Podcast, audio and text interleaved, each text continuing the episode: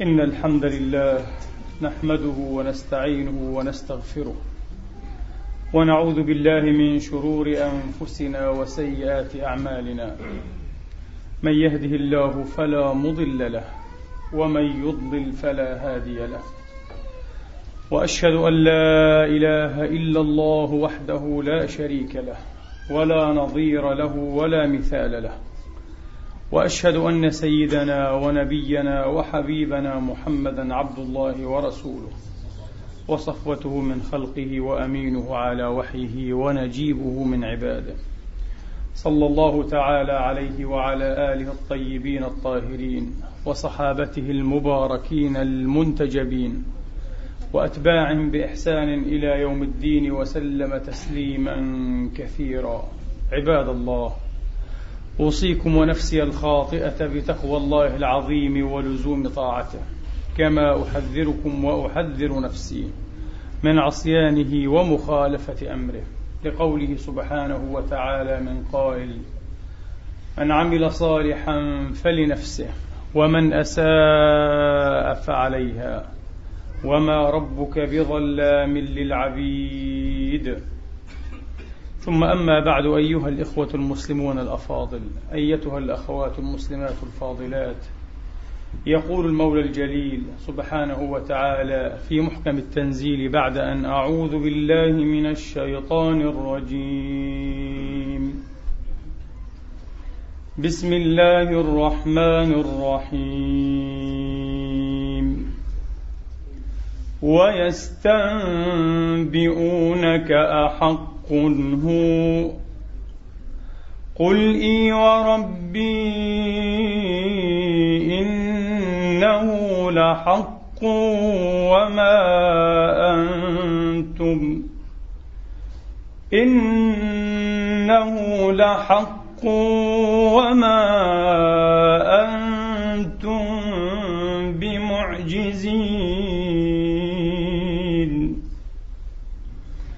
ولو أن لكل نفس ظلمت ما في الأرض لافتدت به وأسروا الندامة لما رأوا العذاب وقضي بينهم بالقسط وهم لا يظلمون ألا إن لله ما في السماوات والأرض ألا إن وعد الله حق ولكن أكثرهم ولكن أكثرهم لا يعلمون هو يحيي ويميت وإليه ترجعون. يا أيها الناس قد جاءتكم موعظة. قد جاءتكم موعظة من ربكم. وشفاء لما في الصدور وهدى ورحمة للمؤمنين قل بفضل الله وبرحمته فبذلك فليفرحوا فبذلك فليفرحوا هو خير مما يجمعون. صدق الله العظيم وبلغ رسوله الكريم ونحن على ذلك من الشاهدين. اللهم اجعلنا من شهداء الحق القائمين بالقسط. آمين. اللهم آمين. أيها الإخوة الأحباب أيتها الأخوات الكريمات قد جاءتكم موعظة من ربكم وشفاء لما في الصدور وهدى ورحمة للمؤمنين وشفاء لما في الصدور. وما في الصدور أيها الإخوة والأخوات هي القلوب.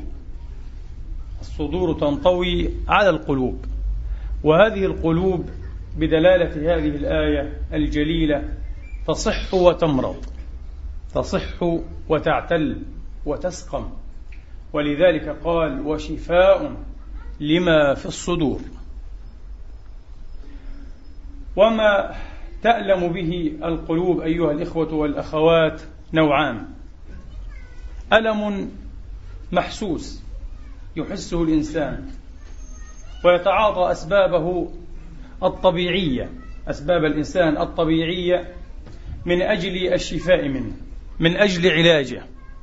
ومن ذلكم أيها الإخوة أمراض معنوية وأمراض حسية. أمراض حسية هي التي لأجلها نذهب إلى الطبيب الإخصائي في هذا الميدان. وأما الأمراض المعنوية فكالهم والغم والحصر والقلق والاكتئاب والتنغيص والحزن والعياذ بالله تبارك وتعالى. والغيظ أيضا.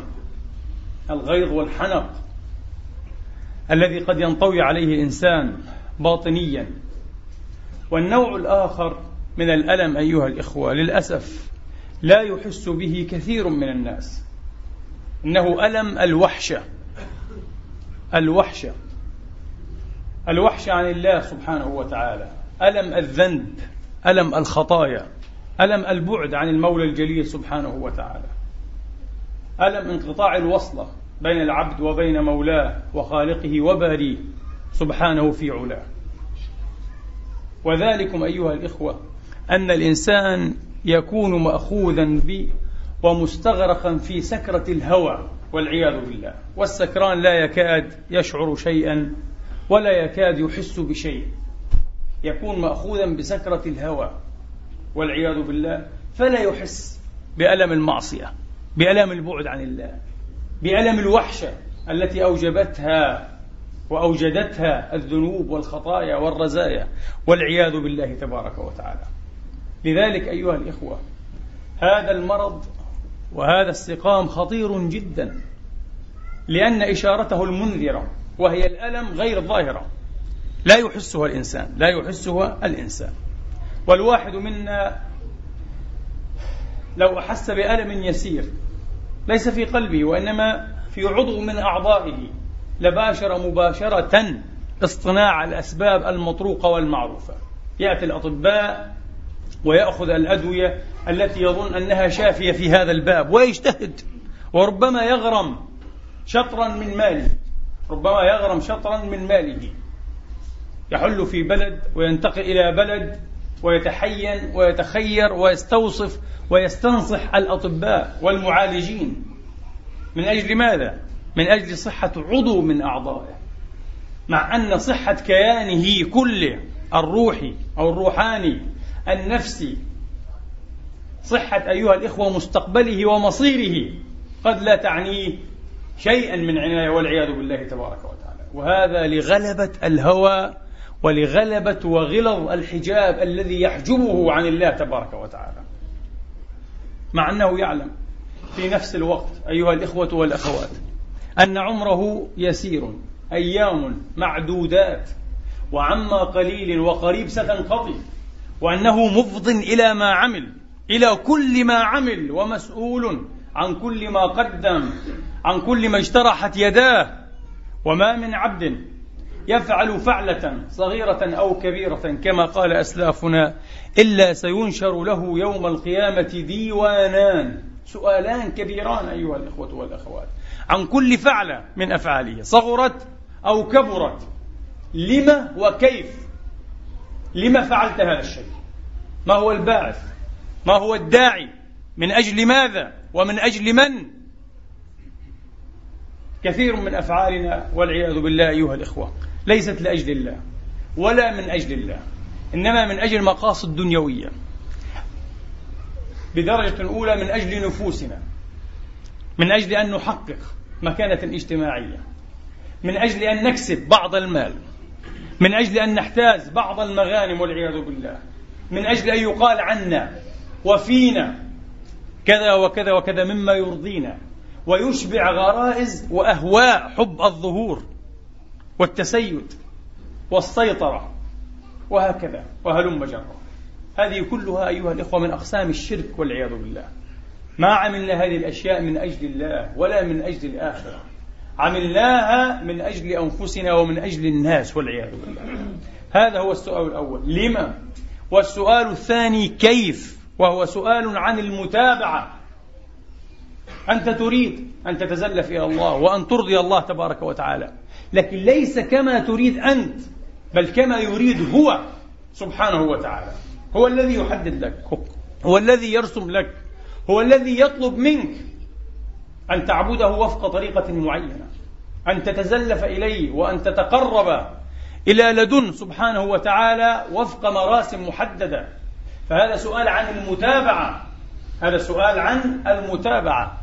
وكما قدمنا في الخطبة السابقة لا نجاح أيها الإخوة ولا قرب من الله وإلى الله إلا بمتابعة الحبيب المعصوم صلوات ربي وتسليماته عليه. فاتبعوني يحببكم الله. إذا هذان هما الديوانان أيها الإخوة. ديوان لما وديوان كيف؟ ديوان لما وديوان كيف؟ هذه مسألة. فيا أيها الإخوة والأخوات على المرء منا أن يراجع نفسه بصدق وبعزيمة وأن يستهدي الله وأن يسترشده أن يكشف عن عين بصيرته. ربما العوراء وربما العمياء والعياذ بالله. أن يكشف عن عين بصيرته. أن يلهمه إلى أحسن ما فيه رشده. إلى أحسن ما فيه رشد أمره كله. لأن الأيام يسيرة. لأن الأيام يسيرة. ودولاب الزمان لا يتوقف. وكل يوم يأخذ من أعمارنا يبعدنا من الدنيا ويدنينا من الآخرة. يدنينا من مواقف أيها الإخوة راهبة راعبة. تبدأ بعالم البرزخ بل قبل ذلك تبدأ بلحظة الموت. إنها لحظة الخاتمة أيها الإخوة والأخوات. والمرء لا يختم له على ما يحب هو كلا. كل مؤمن ومؤمنة يحب أن يختم له بالإسلام بالتوحيد بالسعادة لكن لن يكون الأمر كذلك لأنك تهواه فقط. يختم لك على ما عشت عليه على ما ملأ قلبك على ما انطوت عليه جوانحك وسارت فيه وفي تحصيله جوارحك. حتى أمور الخير. يحكى عن أحد أئمة الأحناف الكبار وهو الإمام زفر رضي الله عنه وأرضاه.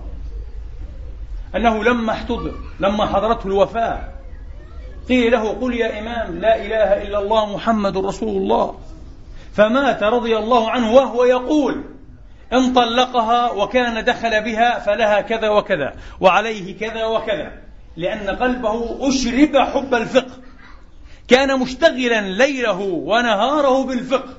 بالحلال والحرام والقضايا والحكومات وهذا وهذا. الحكومات هي القضايا التي فيها حكم شرعي والحكومات والمسائل الشرعية إلى آخره. ولذلك حتى الاشتغال أيها الإخوة بالعلم الشرعي وبالأمور الطيبة هذه ينبغي أن يكون وسيلة إلى ماذا؟ إلى رضوان الله وليس غاية في ذاته. إذا أخذت العلم الشرعي غاية في ذاته ربما أهلكك والعياذ بالله تبارك وتعالى.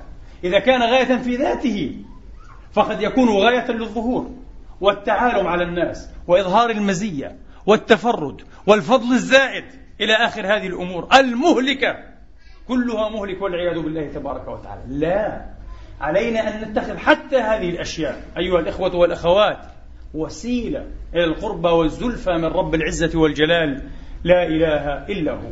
أقدرني الله وإياكم على ذلك بفضله ومنه.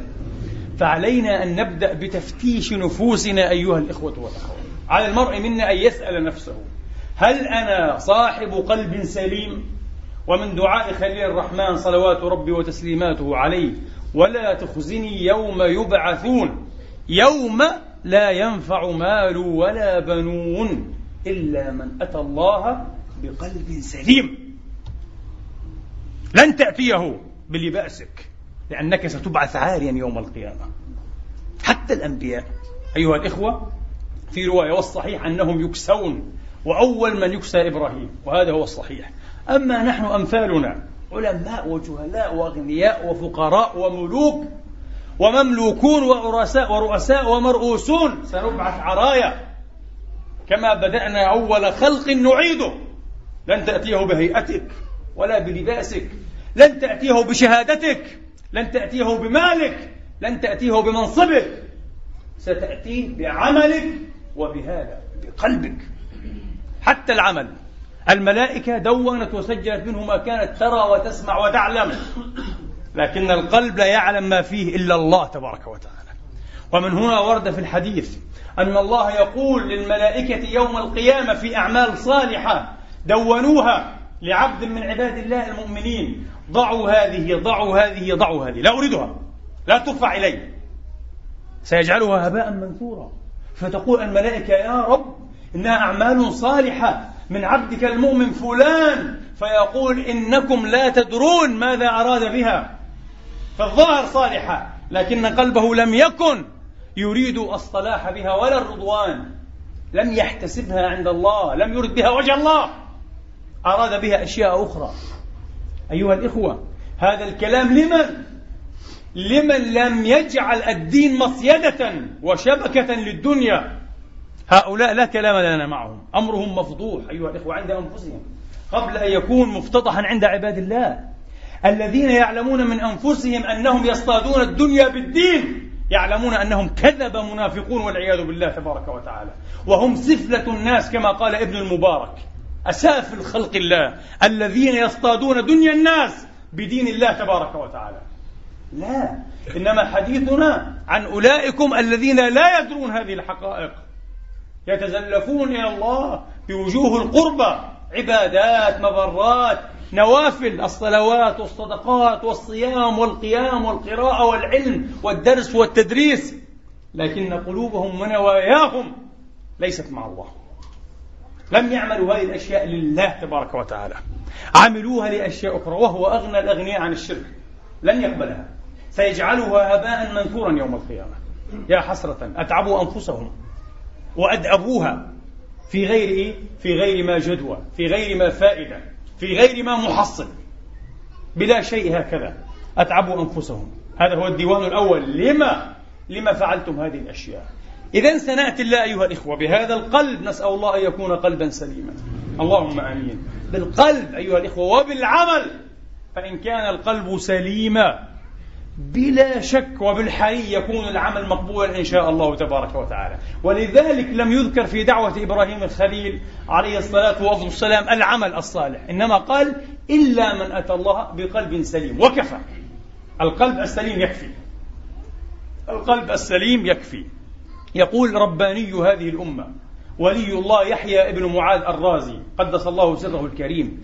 يقول من صح قلبه من سلم قلبه من كان ذا قلب سليم من صح قلبه وكان مع الحسنات لم تضره السيئات. نيته دائما القربة والخير والمبرة.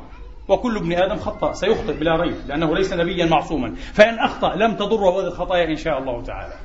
لماذا؟ لأن طريقه الواضحة العامدة القاصدة هي القربة والرضوان. هي طريق الواصلين السائرين إلى منازل العرفان إلى حضرة ذي الجلال والإكرام لا إله إلا هو.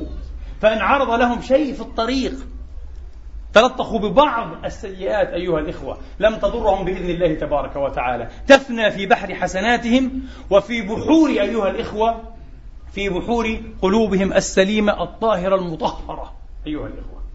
ومن كان قلبه مع السيئات لم تنفعه الحسنات. حتى وإن فعل إيه عرضا بعض الحسنات لم تنفع. والحكم للغالب والحكم للغالب. ربنا رب قلوب. قال موسى عليه الصلاة وأفضل السلام أي رب أين أبغيك؟ قال ابغني يا موسى. ابغني يا موسى عند المنكسر قلوبهم من أجلي. قلوب متواضعة فيها إخبات. فيها إيمان فيها تطامن فيها خشوع فيها ذل من أجل ماذا؟ من أجل اصطياد أموال الناس؟ من أجل الضحك على ذقون الناس؟ كلا من أجل الله تبارك وتعالى متواضعة لله متخشعة لعظمة جلال الله تبارك وتعالى ابغني عند المنكسر قلوبهم من أجلي فإني أدنو منهم كل يوم باعا ولولا ذلك لانهدموا يا موسى إذا ذكرتني فاذكرني وأوصالك تنتفض من خشيتي اذكرني بالتعظيم والخشية والرهبة. مش كل شيء الله غفور رحيم. الله غفور رحيم. أيها الإخوة النبي عليه الصلاة والسلام يقول ليس بين الله وبين أحد من خلقه وبين أحد من عباده نسب ولا قربة إلا بالعمل الصالح. نحن لسنا أبناء أيها الإخوة لله تبارك وتعالى. لسنا أبناء لسنا انسباء والعياذ بالله لله. لسنا أقرباء نحن خلقه وعبيده بعض الناس أيها الإخوة يدلس ويلبس عليه النفس وتعينه والعياذ بالله. يدلس ويلبس عليه الشيطان وتعينه نفسه. أنني طيب الحمد لله. وقلبي سليم إن شاء الله. أماني أماني يتمنى على الله من غير عمل صالح. وقلبي سليم. وأحب الخير. والله كبير غفور رحيم. وسأفعل ما أشاء وإن شاء الله لأن الله يحبني. الله أنزل له كتابا أنه يحبه أنه اصطفى لأنه قريب لله.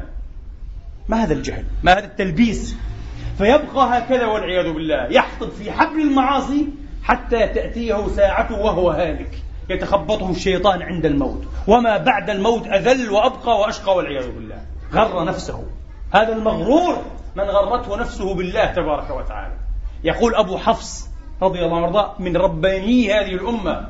يقول من لم يتهم نفسه في عموم الأوقات ولم يحملها على المخالفات أي مخالف مخالفة ما لا تهواه أيوة مخالفة ما تهواه. النفس تهوى شيئا أن تخالفها. افعل ما لا تحبه.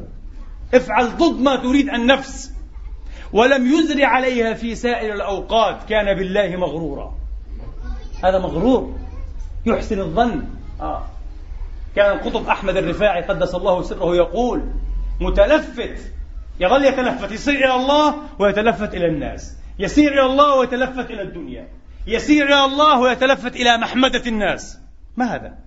أنت تسير إلى الله أو إلى الناس. أنت تريد رضوان الله أو رضوان الناس. إذا أردت رضوان الله لا تبالي بالناس. مدحوك أو قدحوك. أحبوك أو ذموك. ووالله الذي لا إله إلا هو.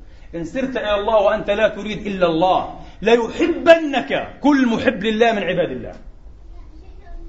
من قرت عينه بالله قرت عين كل أحد به. ومن سخنت عينه بالله أو سخنت عينه بالله أسخن الله عليه عيون الناس. أبدا ماذا تريد من الناس أنت.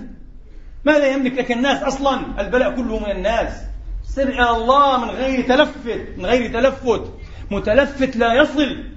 ومتسلل لا يفلح. تتسلل من هنا ومن هنا لا يمكن. ومن لم ير من نفسه النقصان هو يراها كاملة.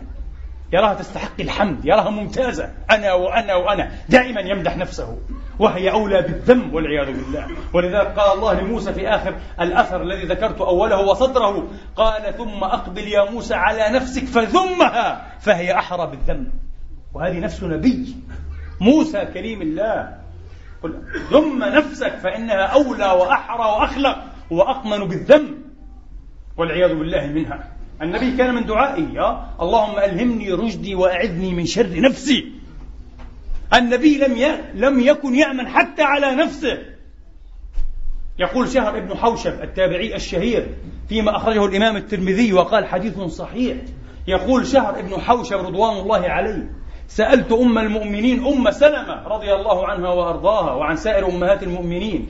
يا أم المؤمنين ما أكثر ما كان يدعو رسول الله صلى الله عليه وسلم أي به آه، حين يكون عندك؟ قالت يا بني كان أكثر دعائه اللهم يا مقلب القلوب ثبت قلبي على دينك. رسول الله رسول الله أيها الإخوة. مع كل البشريات وما سبق له من الله من السعادة والعناية والكلاءة أكثر دعوة يدعو بها وليس في بيته سنرى في حديث أنس عند الترمذي أيضا أنه كان يدعو بهذا الدعاء كثيرا بين الناس وبين أصحابه. كان هذا الدعاء ربما من أكثر دعائه عليه الصلاة وافضل السلام. اللهم يا مقلب القلوب ثبت قلبي على دينك. قالت أم سلمة فقلت يا رسول الله ما أكثر ما تدعو بهذا الدعاء. لماذا؟ تدعو به كثيرا وأنت رسول الله المعنى. فقال عليه الصلاة وافضل السلام يا أم سلمة إن قلوب العباد بين أصبعين من أصابع الرحمن.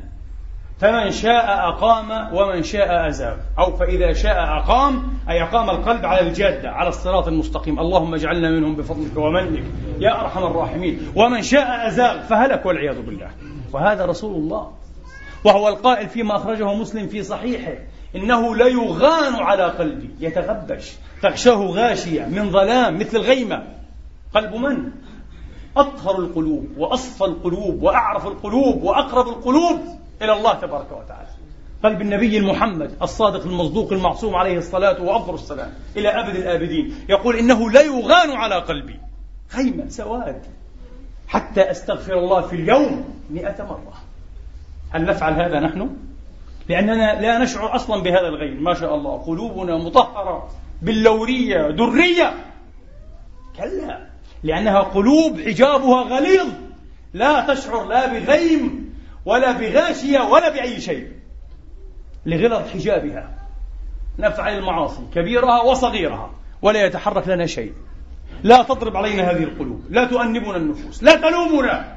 بل ما نقول لأنفسنا نحن طيبون الحمد لله ونوايانا حسنة والله غفور رحيم والله العظيم هذه طريق الهلكة أيها الإخوة أقسم بالله هذه طريق الهلكة. وسيندم صاحب هذه الطريق أي ندامة حين توافيه ساعته. سيعلم أنه ضيع عمره سبهلا والعياذ بالله. كما قلت لكم دائما تحققوا هذا المعنى واجعلوه نصب أعينكم.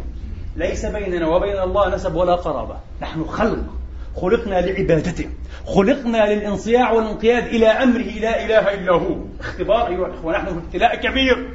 خلقنا وأعطانا هذه الحرية وأمننا على هذه الأمانة ليحاسبنا على ما قدمت أيدينا. ما في نسب ما في قرابة ما في رحم في عمل صالح. قدمت عملا صالحا ستجده. جئته بقلب سليم ستجد ذلك عنده. كانت الأخرى والعياذ بالله ستجد ذلك أيضا إيه؟ عنده. انتبهوا. المسألة لا تحتمل إيه؟ مزيد تلاعب ومزيد تدليس وتلبيس على النفس. كفى. كفى أيها الأخوة. علينا أن نكون صادقين وعازمين أيها الأخوة. نسأل الله أن يعزم لنا على الخير والرشاد في كل أوقاتنا. اللهم آمين. أيها الإخوة وقد يسأل سائل قلب المؤمن الصحيح السليم هل له من علائم؟ هل له من شارات؟ هل له من دلائل؟ نعم علائم كثيرة على رأسها أنه شديد الشوق إلى الله تبارك وتعالى. عظيم المحبة لله تبارك وتعالى. لا يأنس إلا بالله. وبالتالي فهو يستوحش من خلق الله. كلما صدقت مع الله وسرت في طريقه وأزلفك إلى جنابه سبحانه وتعالى وجعلك في حماه كلما اشتد أنسك به ولم تستطع الصبر عنه لا إله إلا هو. ومن ذلك أيها الإخوة أنك تصير تتحين أوقات الصلاة. تحب أن يدخل وقت الصلاة. لكي تقوم وتصلي وتلهج بذكره وتطول القراءة. ليس بالكوثر وليس بالعصر فقط. لا من أجل حب هذه السور وإنما من أجل اختصار الصلاة. هكذا هذا إذا صليناها في أول وقتها. بعض الناس لا يصليها إلا في أواخر وقتها وبعض الناس يجمع. بل بعض الناس من يجمع خمس صلوات في وقت واحد. وهذا لا يسمى جمعا أصلا ولم يقل به أحد من خلق الله من المسلمين. يصلي الصلوات الخمس في وقت واحد ويظن الجاهل المسكين أنه يصلي. هذه ليست صلاة بعث الله بها أنبياءه المرسلين ولا كلف بها عباده الموحدين أبدا. ولا يقبلها الله وتلف هذه كما يلف الثوب الخلق ويضرب بها وجه صاحبه وتقول له ضيعك الله كما ضيعتني. هذه صلاة؟ الله أكرمنا وأتحفنا أيها الإخوة. هذه هدية. هدية ليلة المعراج. هدية من رب العزة لنا أن يفتح لنا أبوابه ويتهيأ لقبولنا يتهيأ لسماعنا يتهيأ لتلبيتنا. كل يوم وليلة خمس مرات. من له مثل هذا الشرف؟ لكن لا نشعر بالأنس ولا بالشرف. لماذا؟ لأن القلوب في عمى. لأن القلوب في عمى والعياذ بالله. هذه أول علامة أرحنا بها يا بلال. النبي كان إذا شعر هما أو غما أو حزنا يفزع إلى الصلاة مباشرة يرتاح في الصلاة. لأنه بين يدي من؟ بين يدي رب العزة والجلال. عبد ضعيف فقير مسكين. بين يدي رب ملك قادر حكيم لا إله إلا هو. هذا من أهم الأشياء أيها الإخوة ومن علائم صحة القلب أنك حين تنام لا تنام إلا على ذكر الله. أبدا. وحين تهب من نومك لا تهب إلا على ذكر الله. أشهد أن لا إله إلا الله. الحمد لله الذي أحياني بعدما أماتني وإليه النشور. وآخر شيء أنت عند رقدتي وأول شيء أنت عند هبوبي. أول ما تهب من النوم تذكره. والله أيها الإخوة يوجد عباد من هذه الأمة المرحومة حتى في النوم خلافا للمراء الحسنة الطيبة الكريمة أه؟ يقرؤون القرآن في النوم. ومنهم من يختم سورا كاملة في النوم. قراءة صحيحة وأحيانا يسمع من يكون إلى جواره قراءته بأحكام التلاوة. قلب معلق بالله؟ قلب أيها الإخوة لا يأنس إلا بالله؟ في ليله وفي نهاره في منامه وفي هبوبه دائما. هذا قلب حي هذا قلب سليم نابض. هذه علامة مهمة أيها الإخوة.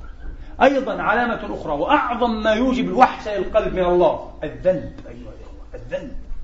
والقلب يمتاز القلب الرباني اللطيف النورانية الإلهية المعنوية أيها الإخوة. تمتاز من هذا القلب الحسي ومن الأعضاء الحسية أنها شديدة التأثر والحساسية لأقل ما يلقى فيها. الآن يكون لك قلب مثل قلب ملك إذا كان للملائكة أي قلوب فإذا تكدرت بذنب صغير يؤثر هذا مباشرة في قلبك يشوش عليك. فإذا لم تنزع وتستغفر وتتب إلى الله تبارك وتعالى تنكت فيه نكتة سوداء. تؤثر فيه. تؤثر في مرآة القلب في صفحة القلب يسود القلب. إذا زدت من هذه الذنوب دون نزوع واستغفار وتوبة يزداد النكت حتى يصبح القلب أسود مربادا والعياذ بالله. لا يعرف معروفا ولا ينكر منكرا. الحلال عنده كالحرام والجنة كالنار والعياذ بالله. مثل قلوب الزنادقة. يعني مثل قلوب الكفار الذين قالوا قالوا قلوبنا غلف والعياذ بالله. من كفار الكتابيين. يقول عليه الصلاة والسلام فيما أخرجه أحمد من حديث أبي سعيد الخدري مرفوعا القلوب أربعة. قلب أجرد فيه مثل السراج يزهر. وقلب أغلف مربوط على غلافه والعياذ بالله. وقلب أيها الإخوة منكوس منكس هكذا. وقلب مصفح. فأما القلب الأجرد الذي فيه مثل السراج يزهر. اللهم اجعل قلوبنا على هذا النعت وهذه الصفة. فقلب المؤمن. وسراجه وسراج الإيمان أيها الإخوة والتوحيد والوله بالله تبارك وتعالى. وأما القلب الأغلف المربوط على غلافه فقلب الكافر. والعياذ بالله. لا يمكن. وحتى لو سمع إيه؟ لو سمع سيد المرسلين عليه الصلاة والسلام. لا يتأثر. وقد سمعوه ولم يتأثروا. ولم يزدهم كلامه وكلام ربي إلا كفرا وعتوا وعصيانا. قلوب غلف. فكثرة الذنوب والعياذ بالله أيها الإخوة بريد إلى الكفر. وقد يغلف القلب في آخر مرحلة والعياذ بالله. لذلك روى الترمذي قال عليه الصلاة وأفضل السلام إذا أذنب العبد ذنبا نكت في قلبه نكتة سوداء فإن هو تاب ونزع صقل قلبه. تمحى هذه النكتة. يعود القلب إلى صفائه إلى حالته الصحية السليمة بقلب سليم إن شاء الله تعالى. وإن هو لم يتب ولم ينزع لم يستغفر لم يتب لم ينزع. بقي على الذنب يقول صغيرة صغيرة من الصغائر. تجتمع الصغائر أيها الإخوة محقرات الذنوب قال إياكم ومحقرات الذنوب فإنهن يجتمعن على العبد حتى يهلكنه. يقول صغيرة من الصغائر هذه صغيرة وهذه صغيرة ملايين الصغائر. في عمرك تأتي الله بملايين أو عشرات ملايين الصغائر. أه؟ هكذا. نكت في قلبه نكتة سوداء والعياذ بالله تبارك وتعالى. فإن زاد زيد فيه أي من السواد حتى تعلوه يصبح القلب كله أسودا. يقول عليه الصلاة والسلام فذلك الران الذي ذكر الله في كتابه كلا بل ران على قلوبهم ما كانوا يكسبون. هذا هو من العمل. لا تقل لي قلبي سليم والله يحبني عمله غير سليم. القلب يصبح غير سليم أسود. والعياذ بالله. هذا القلب الأغلف. وأما القلب المنكس المنكوس فهو قلب المنافق. عرف ثم أنكر والعياذ بالله. عرف الحق ثم أنكره. فنكس. فما لكم في المنافقين فئتين أي ما لكم إن قسمتم فئتين وعلى هذا نصبها. فما لكم في المنافقين فئتين والله أركسهم بما كسبوا. بتكذيبهم وعتوهم. آه نعم. نعوذ بالله من الحول بعد الكور وأما القلب المصفح فقلب فيه إيمان ونفاق. كثير من قلوب المسلمين كذلك. فيها إيمان فيها نفاق. الشماتة بالمسلمين نفاق. انتبهوا. الشماتة بالمسلمين نفاق. من يشمت بإخوانه المسلمين حين يسلط الله عليهم عدوا والله لقد سمعنا بعض الناس أيها الإخوة يشمتون بالشعب العراقي. يقول هذا شعب متمرد هذا شعب كذا وكذا ولولا أنه يستحق ما سلط الله عليهم الأمريكان. لا إله إلا الله. والله هذا من نفاق لأنك منافق. تشمت بإخوان الدين والملة يا رجل؟ ومن قبل أيضا شمت بعض هؤلاء المنافقين أيها الإخوة بالشعب الفلسطيني. شعب عات متمرد ولولا أنه يستحق الصهاينة ما ضربه الله باليهود. لأنك منافق هذه القضية. وإلا فقد أصاب الأنبياء أيها الإخوة البلواء وأصابتهم الضراء. بعض الأنبياء ذبحوا تذبيحا. قطعت رؤوس أبنائهم يحيى بن زكريا. النبي عليه السلام ما الذي حدث له أيضا. ولقي الهزيمة في غير موقع أيها الإخوة. في أول حنين وفي أحد. كيف تشمت بإخوان الدين والملة؟ كيف تشمت بالمسلمين؟ بدل أن يدمى قلبك وتتقطع على إخوانك وعلى أمتك تشمت تبرر حالتك لأن قلبك والعياذ بالله قلب منافق. فبادر بالتوبة وعد إلى الله يا رجل. عد وتحيز إلى معسكر المؤمنين. واترك مع معسكرات الكافرين والمنافقين وهم كثر في هذه الأمة والعياذ بالله. بالذات في هذا الزمان. اترك كل هؤلاء المنافقين أيا كانوا. وبعض هؤلاء مشايخ بلحى منافقون أيضا ويبررون للاستعمار وللظلم وللخزي والعدوان على هذه الأمة. منافقون والله العظيم. فهناك قلوب أيها الإخوة فيها إيمان بعض الناس يقول لا كيف تقول هذا في شيخ أو في رجل مؤمن أو امرأة مؤمنة تقول لا إله إلا الله؟ يا رجل هذا من قلة فقهك. اتق الله لأن النبي قال قلب فيه إيمان ونفاق. ممكن يكون عنده إيمان بس إيمان ضعيف. وفيه نفاق أيضا وقد يغلب الإيمان إن شاء الله. إذا أسعده الله قد يغلب الإيمان في الأخير ويشفيه الله من هذا المرض وشفاء لما في الصدور. لكن كيف؟ بأسباب لا بد أن يتعاطاها بالنزوع والتوبة والعودة والتزام الفرائض والاستكثار من النوافل وأن يكون له رواتب. أيها الإخوة أذكار يذكرها بالصباح والمساء. يتصدق ويعطي ويحج ويعتمر. أفعال خير كثيرة لابد منها حتى نحافظ على هذا القلب. وإليه الإشارة بالحديث الذي سمعتم إنه ليغان على قلبي إذا النبي أيها الإخوة لم يقل قلبي صحيح سليم وسأبقى على هذه الحالة.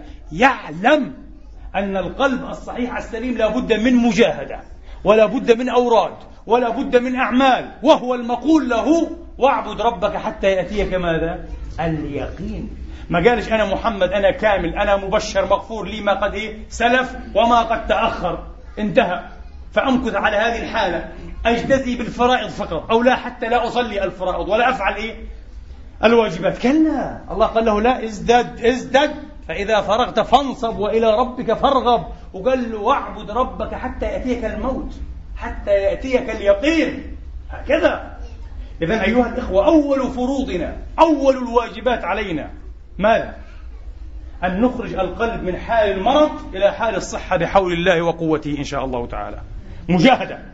لابد أن أدرك أنني مريض. إذا لابد أي أن آخذ بالأسباب الشرعية. لابد أن آخذ بالأسباب الشرعية. وبعد ذلك إذا بدأت أشعر وأتحسس بدايات الشفاء إن شاء الله تعالى صح القلب. بدأ يصير ويعود سليما كما خلقه الله. هذه الجوهرة اللطيفة النورانية الدرية. بعد ذلك أيها الإخوة لا بد من الاعتصام بالفرائض والنوافل والأذكار واللهج الدائم بذكر الله. حتى يبقى هذا القلب في حال الصحة والمعافاة. كل واحد منكم مرت به أحوال الآن إذا كان تائبا بحمد الله يستذكرها ولا يكاد يصدق يقول أنا الذي فعلت هذه الأشياء والعياذ بالله. لقد كنت شيطانا مريضا صحيح؟ والآن يقول أعوذ بالله لا يمكن أن أفعلها. وبعض الناس الآن يقول الله أكبر. بعد أن يسمع مثل هذا الكلام كيف أفعل ما أفعله وآمل في, في رحمة الله؟ يزري على نفسي بداية التوبة والشفاء إن شاء الله تعالى. فالإنسان أيها الإخوة مهيأ ومستعد أيها الإخوة لأن يكون ملكا من الملائكة وأن يكون شيطانا رجيما ومرة يكون هكذا ومرة يكون هكذا. والقلب أيها الإخوة ما سمي قلبا إلا لأنه يتقلب. قال عليه الصلاة وأفضل السلام إن القلب لأشد تقلبا من القدر إذا استجمعت غليانا. شوف القدر حين تغلي لا تبقى ذرة ولا جزيء ماء في مكان لحظة واحدة. الآن يكون هنا ثم ينقلب مباشرة. لأن الماء يغلي يفور. القلب كذلك أيها الأخوة. قلب المؤمن يتقلب باستمرار. الآن بعضكم قد يشعر بحالة ربانية وقد يكون عنده أحسن العزائم أن يتوب إلى الله وأن يصفي قلبه وأن يصحه وأن يعود به إلى أصل السلامة إن شاء الله. فإذا خرج من هنا في هذا الصيف القائض بين هؤلاء القوم أشباه الأنعام والعياذ بالله بهذا اللباس بهذا السفور بهذا التبذل يتقلب قلبه.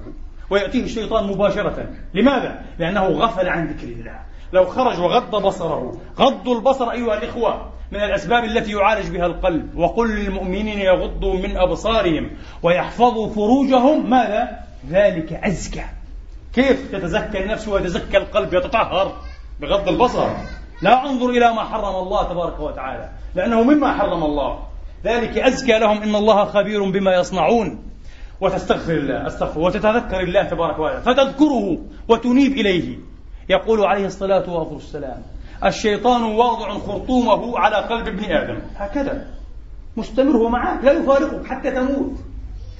فإن غفل عن ذكر الله تبارك وتعالى أو عفوا قال فإن ذكر الله تبارك وتعالى خنس.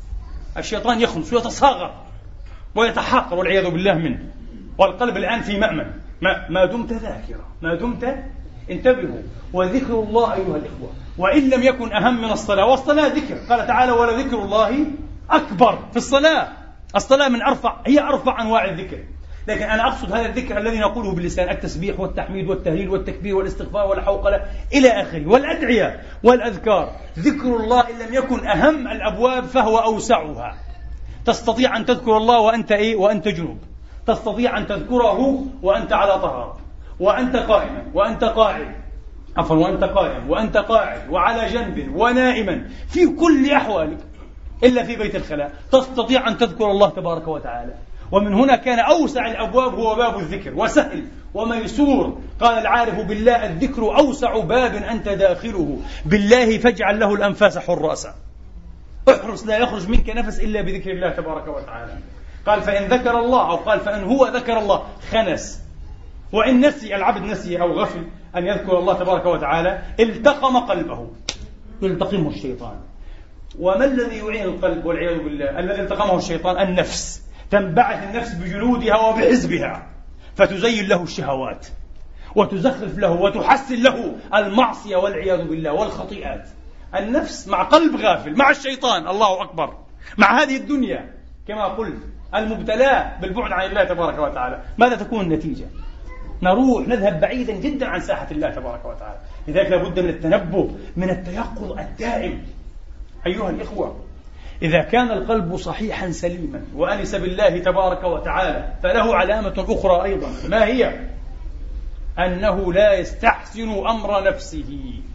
فترى العبد مزيا عن نفسه محتقرا لعمله. لا يدل على الله بشيء في الوقت الذي يشهد فيه منة الله عليه دائما وأبدا.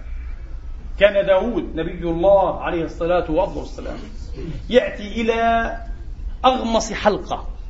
يعني حلقة فيها فقراء ومساكين لا فيها علماء ولا أغنياء ولا ملوك. حلقة ناس مساكين غلابة كما نقول بالعامية. يأتي هذا النبي الملك الذي تسبح الجبال والطير معه وألن له الحديث. يأتي فيجلس بين هؤلاء. ويقول أي رب مسكين بين مساكين. الله يحب هذا من العبد يحب التواضع والإخبات وفي أثر أيها الإخوة أن رجلا من بني إسرائيل تعبد لله ستين سنة فأتي في منامه ليلة بعد ليلة يعني أكثر من مرة رأى هذه الرؤيا. أتي في منامه وقيل له إن فلانا الإسكاف أي الإسكافي الحذاء.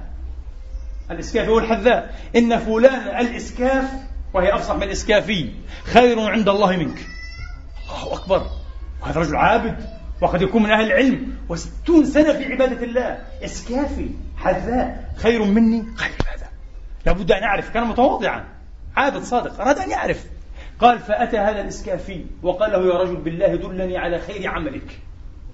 قال ليس لي كثير عمل لكن يعلم الله مني. أنه لا يمر بي عبد من هذه الأمة إلا قلت هو في الجنة وأنا في النار إنه خير مني. يرى كل المسلمين كل المؤمنين أحسن منه. يرى نفسه أحقر مسلم أنزل مسلم. قال تلك التي بلغت بك فهذا الحذاء أيها الإخوة لإزرائه على نفسه لتواضعه في داخله في داخله متواضع. لا يرى نفسه شيئا. فضله الله على هذا العابد الذي قضى ستين سنة في العبادة. لا إله إلا نسأل الله أن يعطينا شيئا من هذا التواضع. قال عليه الصلاة والسلام من تواضع لله رفعه الله ومن تكبر وضعه الله ومن أكثر ذكر الله أحبه الله ومن أكثر ذكر الله أحبه الله. أو كما قال عليه الصلاة وأفضل السلام. فنسأل الله تبارك وتعالى أن يمن علينا بهدايته. اللهم إنا نسألك أن تلهمنا رشدنا وأن تعيذنا من شر نفوسنا وأن تزكي أعمالنا وأن تصح قلوبنا يا رب العالمين وأن تجعل ذلك خالصا لوجهك الكريم. أقول قولي هذا وأستغفر الله.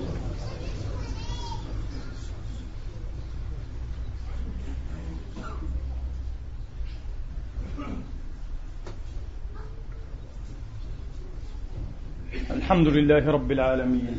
الحمد لله الذي يقبل التوبة عن عباده ويعفو عن السيئات ويعلم ما تفعلون. ويستجيب الذين آمنوا وعملوا الصالحات ويزيدهم من فضله. والكافرون لهم عذاب شديد. وأشهد أن لا إله إلا الله وحده لا شريك له. وأشهد أن سيدنا وحبيبنا ونبينا محمدا عبد الله ورسوله صلى الله تعالى عليه وعلى آله وأصحابه وأتباعه وسلم تسليما كثيرا. أيها الإخوة الأحباب علامة لا بد أن أختم بها فلا بد من ذكرها.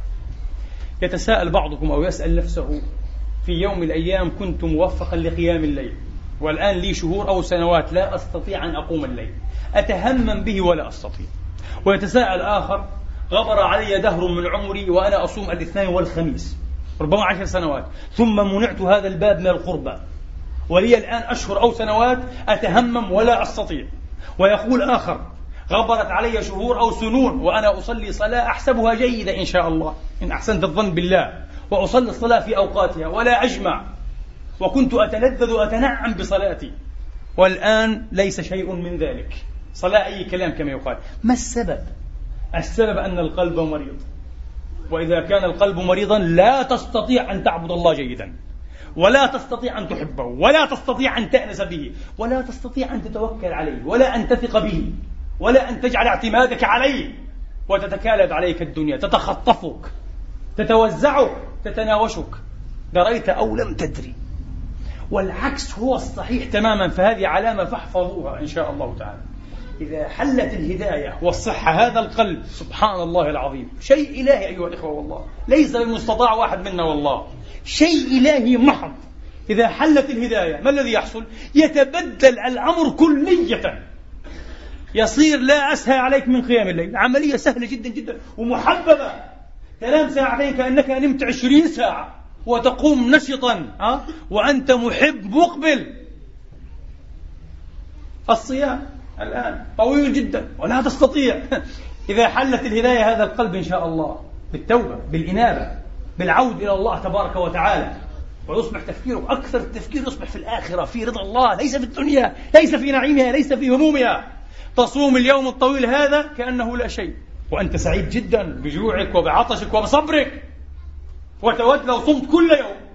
تستطيع ذلك بسهولة جدا. المال الذي تدخل به هذا وتحسب له ألف حساب تعطيه بغير حساب. وتكون سعيدا جدا بذلك. لأنك ترى هذا رأي العين. كيف تبنى لك به القصور. والحلل هناك إن شاء الله عند الله. ترى هذا يخرجنا القلب المنور. وصدق الشاعر حين قال آه. وإذا الهداية وإذا حلت الهداية قلبا نشطت للعبادة الأعضاء. والله صدق هذا الرجل. هذا مجرب. هذا قول شاعر مجرب. وإذا وإذا حلت الهداية قلبا نشطت للعبادة الأعضاء. صلاة سهل صيام قيام أبدا. تمتنع عن الغيبة عن النميمة عن النظر المحرم عن كل شيء. من الله تبارك وتعالى. تعلمون لماذا؟ لأن موضع نظر الله أصبح مطهرا ولائقا بنظر الله. أنت طهرته. طهرته بالتوبة بالدموع بالإقبال بالإخبات بالنية الحسنة الصادقة والعزم الأكيد الماضي أنك تعود إلى الله. فلما علم الله ذلك منك أقبل عليك وأعطاك. وهو القائل إن الله لا ينظر النبي عليه السلام إن الله لا ينظر إلى صوركم ولا إلى أجسادكم ولكن ينظر إلى قلوبكم وأعمالكم. هذا موضع نظر الله في الأثر الإسرائيلي لم يصح ومعناه صحيح كما قال ابن تيمية. قال لم تسعني أرضي ولا سمائي ووسعني قلب عبد المؤمن. إنه موضع نظر الرب الجليل لا إله إلا هو. فإذا طهرته نظرة واحدة من رب العزة. كفيلة أيها الأخ أن تجوهرك من جديد أن تخلق لك جوهرا جديدا طبيعة جديدة تصبح خلقا جديدا بإذن الله تبارك وتعالى. فهلموا أيها الإخوة. هلموا إلى هذه الحياة الطيبة. والله العظيم الذي لا إله إلا هو. لا تطيب الحياة ولا يهنأ العيش إلا بالتوبة وإلا بالعيش مع الله وبالله إلا بالأنس بالله. قال أحد العارفين, العارفين مساكين أهل الدنيا. خرجوا منها ولم يذوقوا أطيب ما فيها. قيل ما أطيب ما فيها؟ قال ذكر الله والأنس به. أطيب شيء في هذه الدنيا. وكان شيخ الإسلام العارف بالله ابن تيمية قدس الله سره يقول إن في الدنيا جنة. من لم يدخلها لم يدخل جنة الآخرة. قيل ما هي؟ قال جنة الذكر. جنة الذكر.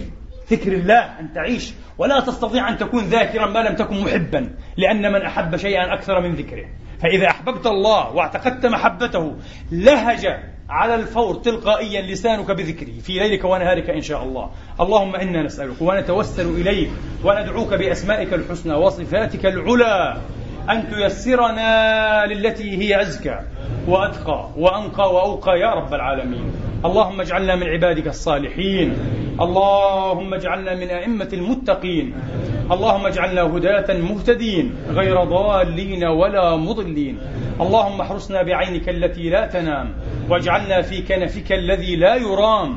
اللهم وارحمنا بقدرتك علينا فلا نهلك وأنت رجاؤنا يا رب العالمين. اللهم اغفر لنا ولوالدينا وللمسلمين والمسلمات المؤمنين والمؤمنات الأحياء منهم والأموات. اللهم انصر الإسلام وأعز المسلمين. اللهم انصر إخواننا عبادك الموحدين في فلسطين والعراق والشيشان وأفغانستان وفي كل مكان يا رب العالمين. اللهم انصرهم وثبتهم وأيدهم على أعدائك أعدائنا أعداء الدين. إله الحق مولانا رب العالمين.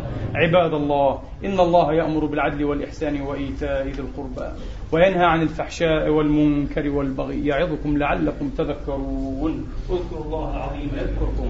واشكروه على نعمه يزدكم وسلوه من أفضاله يعطكم وقوموا إلى صلاتكم يغفر لكم